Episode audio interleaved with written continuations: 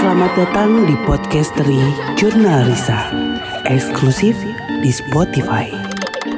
Download Anchor.fm untuk membuat podcast gratis. Assalamualaikum warahmatullahi wabarakatuh. Selamat datang di Podcastery Jurnal Risa. Kali ini saya akan bercerita.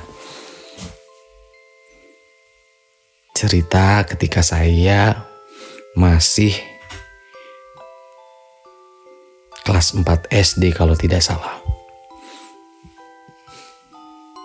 Ya, cerita masa kecil saya saat itu.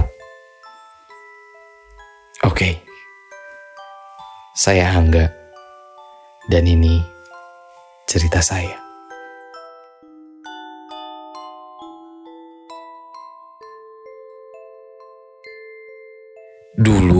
Saat saya masih kecil, saya sempat tinggal bersama kakek dan nenek karena orang tua saya belum memiliki rumah saat itu. Tapi setelah kelas 4 SD, alhamdulillah mereka memutuskan dan mendapatkan rezeki untuk membeli sebuah rumah.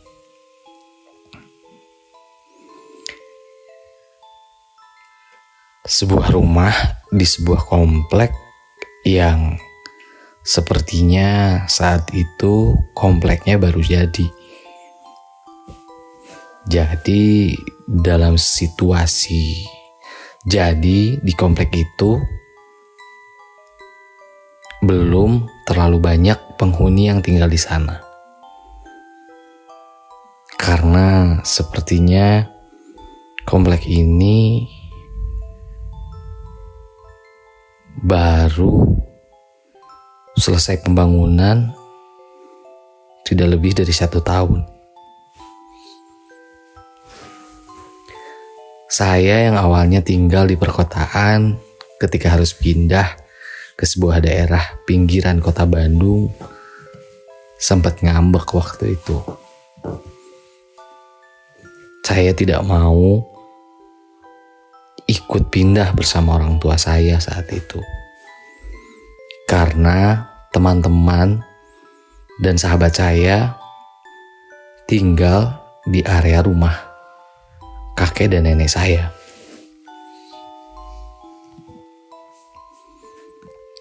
Setelah diajak dan dirayu oleh orang tua, akhirnya saya pun menurut akhirnya saya pun mengikuti apa maunya mereka.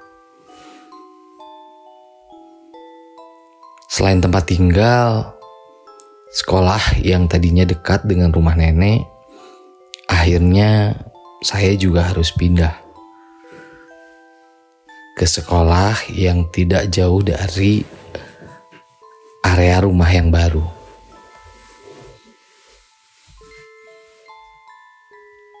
Daerah Cijerah tepatnya. Sebagai orang baru, tentunya saya belum memiliki teman atau sahabat seperti di tempat tinggal saya sebelumnya. Tapi beruntung, ternyata di komplek baru itu ada sekelompok anak kecil yang mungkin usianya tidak jauh dengan saya. Teman-teman kecil saya. Ada Karim, Ilyas, Gito, dan Hendrik. Ya, pertemuan itu membuat saya jadi lebih tenang karena saya jadi punya teman untuk bermain. Anak-anak kecil yang saat itu banyak sekali ingin tahu tentang sesuatu yang baru. Banyak kegiatan yang kami lakukan. Bermain kelereng, umpet, bahkan adu tajos saat itu kalau kalian pernah dengar. Tapi selain permainan seperti itu, kami juga selalu tertarik dengan rumah-rumah yang masih kosong. Kami selalu ingin tahu. Sebenarnya, rumah kosong itu jika malam hari akan seperti apa?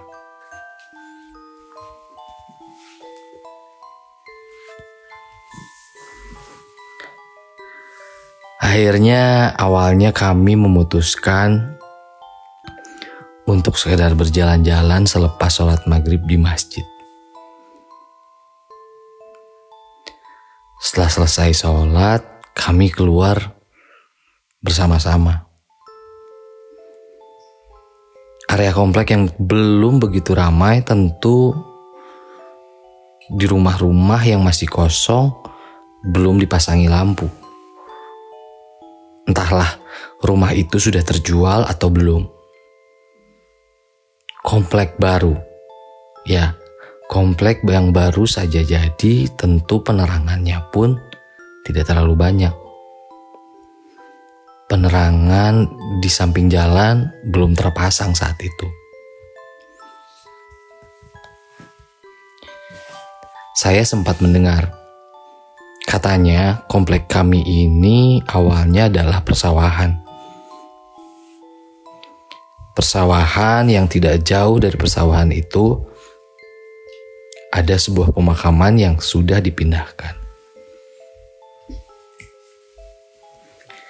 Tentu saja, anak-anak kecil yang so pemberani ini mencari tahu di mana letak rumah yang asalnya adalah pemakaman. Kami mencari tahu dari mulut ke mulut. Hingga akhirnya kami tahu ada satu rumah yang belum terisi dan katanya di bawah rumah itu asalnya adalah pemakaman.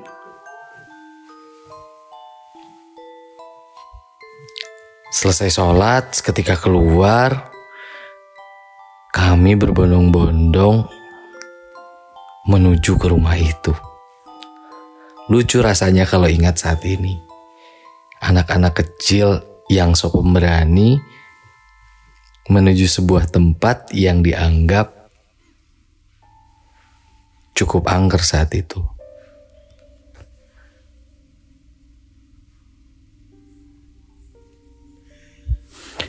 Sebuah rumah yang berada di sisi sawah kalau tidak salah. Karena tidak jauh dari komplek kami masih ada persawahan yang dibiarkan tidak diganggu untuk jadi perumahan. Di sampingnya ada sebuah rumah kosong yang memang belum terisi.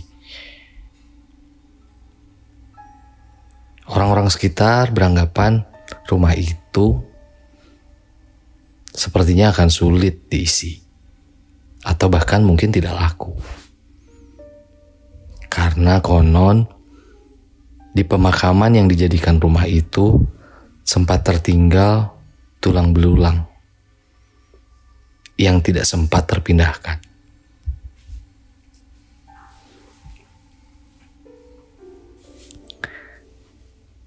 Akhirnya kami berjalan menyusuri jalan dari masjid sampai ke rumah itu. Jaraknya memang tidak terlalu jauh dari masjid. Tapi karena penerangan yang tidak banyak membuat perjalanan itu terasa sangat jauh. salah satu temanku malah menyiapkan center. Katanya agar terlihat apa sosok yang berada di dalam rumah itu. Lucu sekali sebenarnya. Karena kami penasaran tapi kami takut saat itu. Hingga akhirnya kami sampai di sebuah rumah yang dianggap angker itu. Saat itu sepertinya sudah malam. Padahal selesai maghrib artinya baru jam setengah tujuh malam. Kami sosokan melihat rumah itu, bahkan menyenteri setiap sudut yang ada di rumah itu. Sayangnya, saat itu kami tidak menemukan apa-apa. Hingga akhirnya kami memutuskan pulang karena kecewa. Karena rumah yang kami anggap angker tidak terlihat apa-apa di sana. Hari demi hari, perasaan penasaran itu tetap ada. Setelah penelusuran yang kami lakukan saat itu, sepertinya kami masih penasaran. Sebenarnya ada apa sih di tempat itu? Akhirnya kami memutuskan untuk membuat sebuah tenda di ruang serbaguna yang tidak jauh dari rumah. Ceritanya camping, tapi di dalam komplek. Mungkin kalian akan tertawa, tapi itu yang kami lakukan saat itu. Membuat sebuah tenda yang bisa kami gunakan untuk tidur. Anak-anak kecil itu berkumpul selepas Isa. Karena kami berniat untuk bermalam di tenda itu. Setelah mendapatkan izin dari orang tua, semua anak ikut dalam camping itu.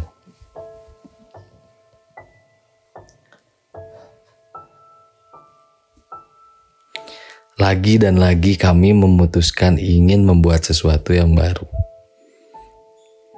Kami ingin menghabiskan rasa penasaran kami. Setelah malam mulai larut, sekitar jam 11 malam, akhirnya kami memutuskan untuk kembali ke rumah yang sempat kami datangi saat itu.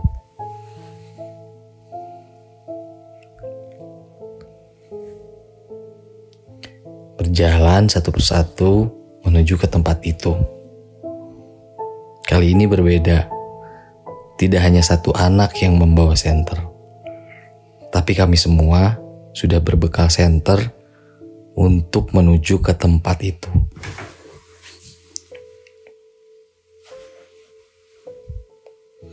Setelah berjalan, berjalan dan berjalan di malam hari itu, akhirnya kami sampai ke rumah itu.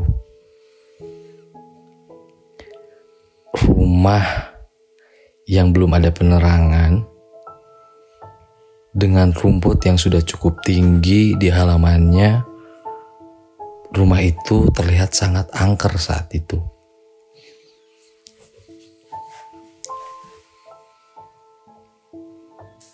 Saya yang ditunjuk harus terlebih dahulu masuk ke rumah itu sempat ketakutan saat itu.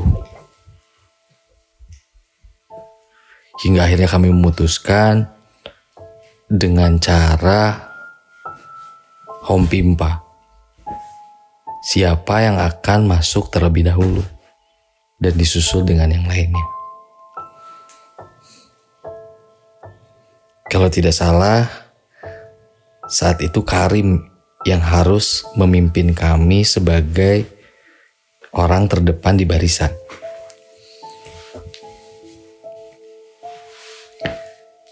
Akhirnya berbondong-bondong kami masuk ke semak-semak yang sudah cukup tinggi itu untuk bisa masuk ke dalam rumah itu. Karena pintu dari rumah itu sepertinya tidak dikunci. Saat itu kami masuk dan melihat kondisi dalam rumah. Rumah itu cukup kotor karena sepertinya belum diisi sama sekali. Bahkan sepertinya belum laku. Kami cukup lama berkeliling di rumah itu. Lagi dan lagi, kami tidak menemukan sesuatu atau menemukan apa pun di dalam rumah itu. Rasa kecewa tentu saja ada tapi rasa bangga malah lebih tinggi saat itu. Karena ternyata rumah yang menurut orang sangat angker bisa kami datangi pada malam hari. Hingga akhirnya kami bisa keluar dari rumah itu dengan selamat.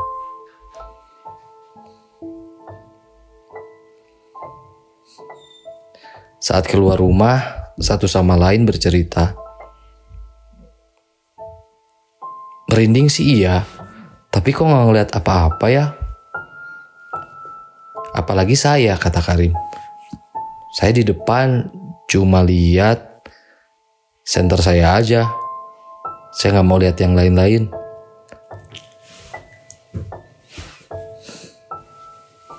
Bangga kami saat itu karena bisa keluar dari rumah yang dianggap angker itu. Akhirnya kami berjalan dari rumah itu kembali ke kemah yang sudah kami buat. Dalam perjalanan tentu saja namanya anak kecil. Pasti sompra banget. Salah satu temanku sempat bilang, "Coba aja ada pocong mau saya lempar pakai sendal." yang lain malah menimpali. Kalau ada Kunti nangis, mau saya kasih tisu aja sekalian. Kasihan nangis terus. Sambil berjalan kami tertawa, terbahak-bahak karena mendengar cerita satu sama lain. Di komplek yang sepi itu, saat kami tertawa terbahak-bahak, kami sempat mendengar ada suara gesekan di tanah seperti mengikuti kami.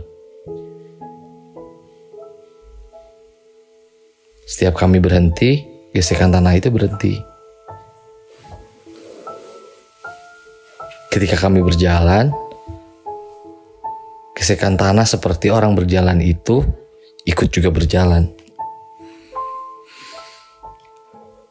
Kami yang sok-sokan berani itu masih tertawa saja lah paling hantu di antara kami ada yang berbicara seperti itu. Akhirnya kami mendekati area kemah. Area tenda yang sudah kami dirikan. Menuju tenda, kami malah mencium bau melati yang sangat wangi.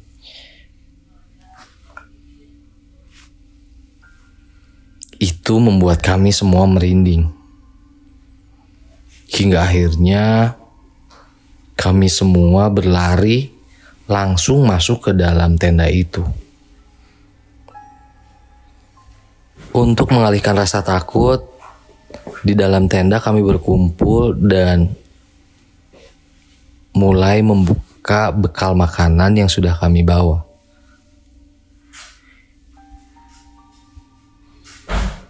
Tentu saja, isi makanan dari kami semua hampir sama. Mie goreng instan menggunakan kotak nasi ditambah nasi.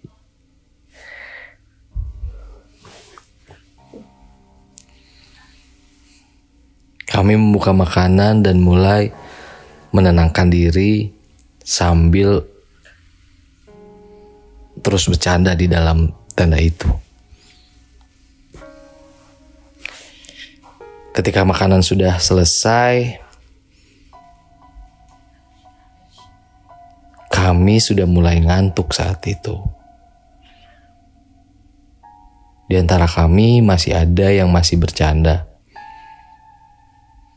Tapi saya merasa sudah sangat mengantuk saat itu.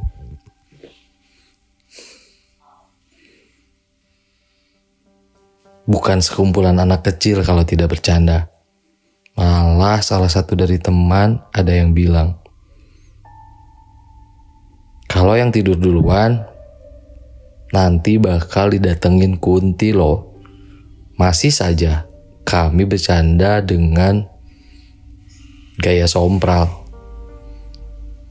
Padahal sebelumnya kami ketakutan ketika mencium bau melati yang sangat menyengat ketika kami akan menuju ke tenda.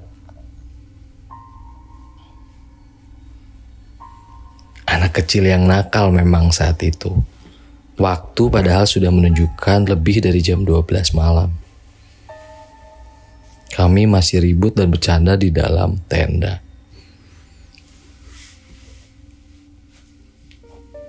Saat mulai lelah, akhirnya kami berbaring melihat ke arah pintu tenda semuanya. Seperti pindang, temanku bilang. Tidur berjajar sambil melihat arah pintu tenda. Lagi-lagi, obrolan menuju tidur itu menuju ke hal-hal yang menurutku sompral saat itu.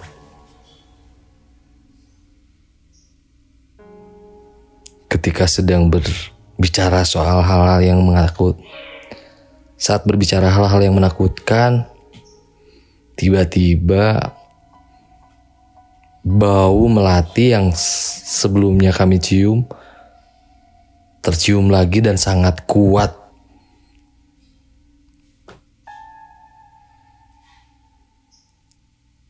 Tentu saja, semua mulai panik.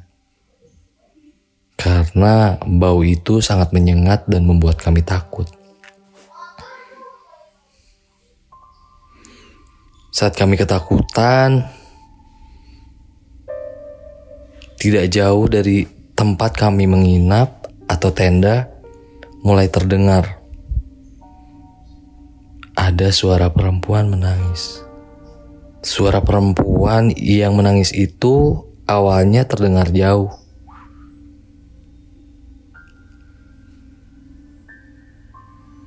Tapi lama-kelamaan suara itu rasanya terdengar dekat sekali dengan tenda yang kami gunakan untuk tidur.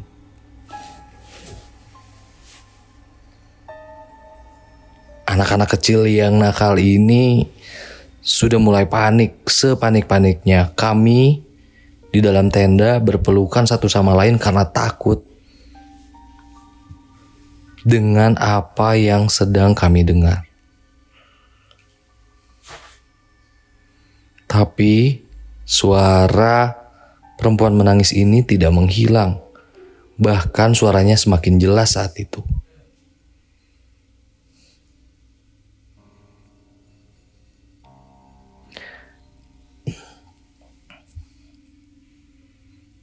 Karena sudah terlalu panik, akhirnya kami memberanikan diri membuka tenda untuk bisa berlari ke rumah atau siapa pun yang bisa dimintai pertolongan.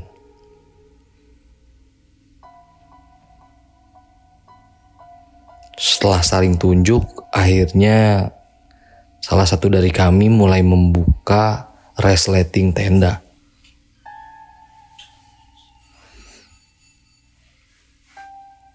Akhirnya temanku berhasil membuka resleting tenda itu.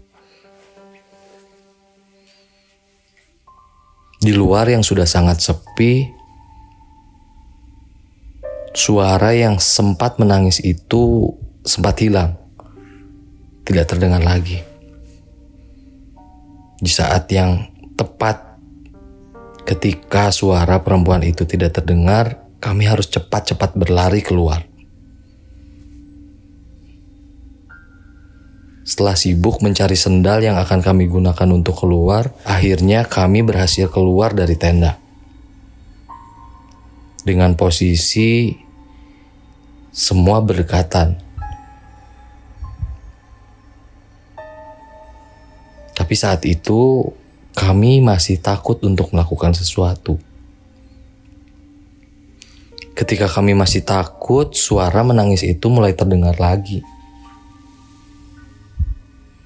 Suara perempuan yang menangis seperti menangis kesakitan. Ketika suara itu mulai terdengar, ketika suara itu mulai terdengar lagi, bunga melati yang sempat kami cium baunya kembali ada lagi. Ketika kami akan bergerak, kami semua melihat sosok seorang perempuan berkebaya. Sedang duduk di atas pohon yang tidak jauh dari tempat tenda kami. Perempuan itu mengarah Perempuan itu mengarah kepada kami. Perempuan itu yang menangis, dan ketika kami semua melihat sosok perempuan itu dengan senter, perempuan itu menghilang. Lalu, tiba-tiba di sudut kanan kami, di sudut kanan kami, ada suara lagi ada suara perempuan itu yang tiba-tiba ada di sebelah kanan kami. Perempuan itu bilang,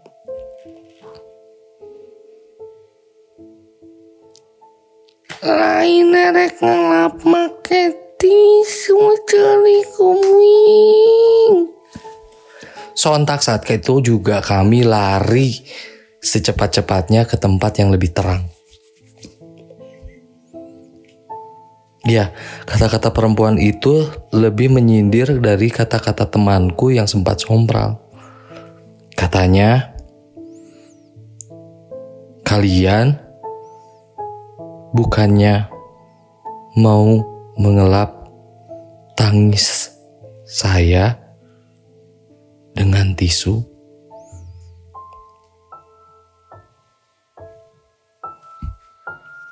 Tentu saja, kegiatan itu membuat kami sangat panik dan ketakutan. Hingga akhirnya kami bisa pulang masing-masing ke rumah. Dan setelah kejadian itu, kami yang camping atau bermalam di tenda itu semuanya sakit. Sakit demam sampai dengan tiga hari. Itu pengalaman saya saat saya masih kecil dulu.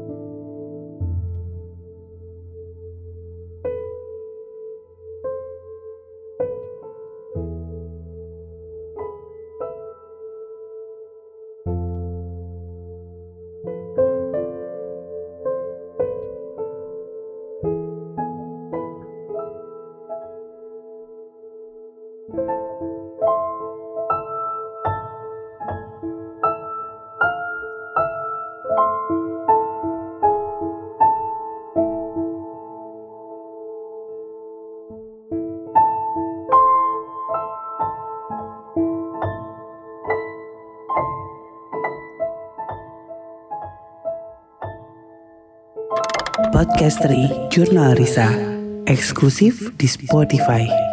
Download Anchor.fm untuk membuat podcast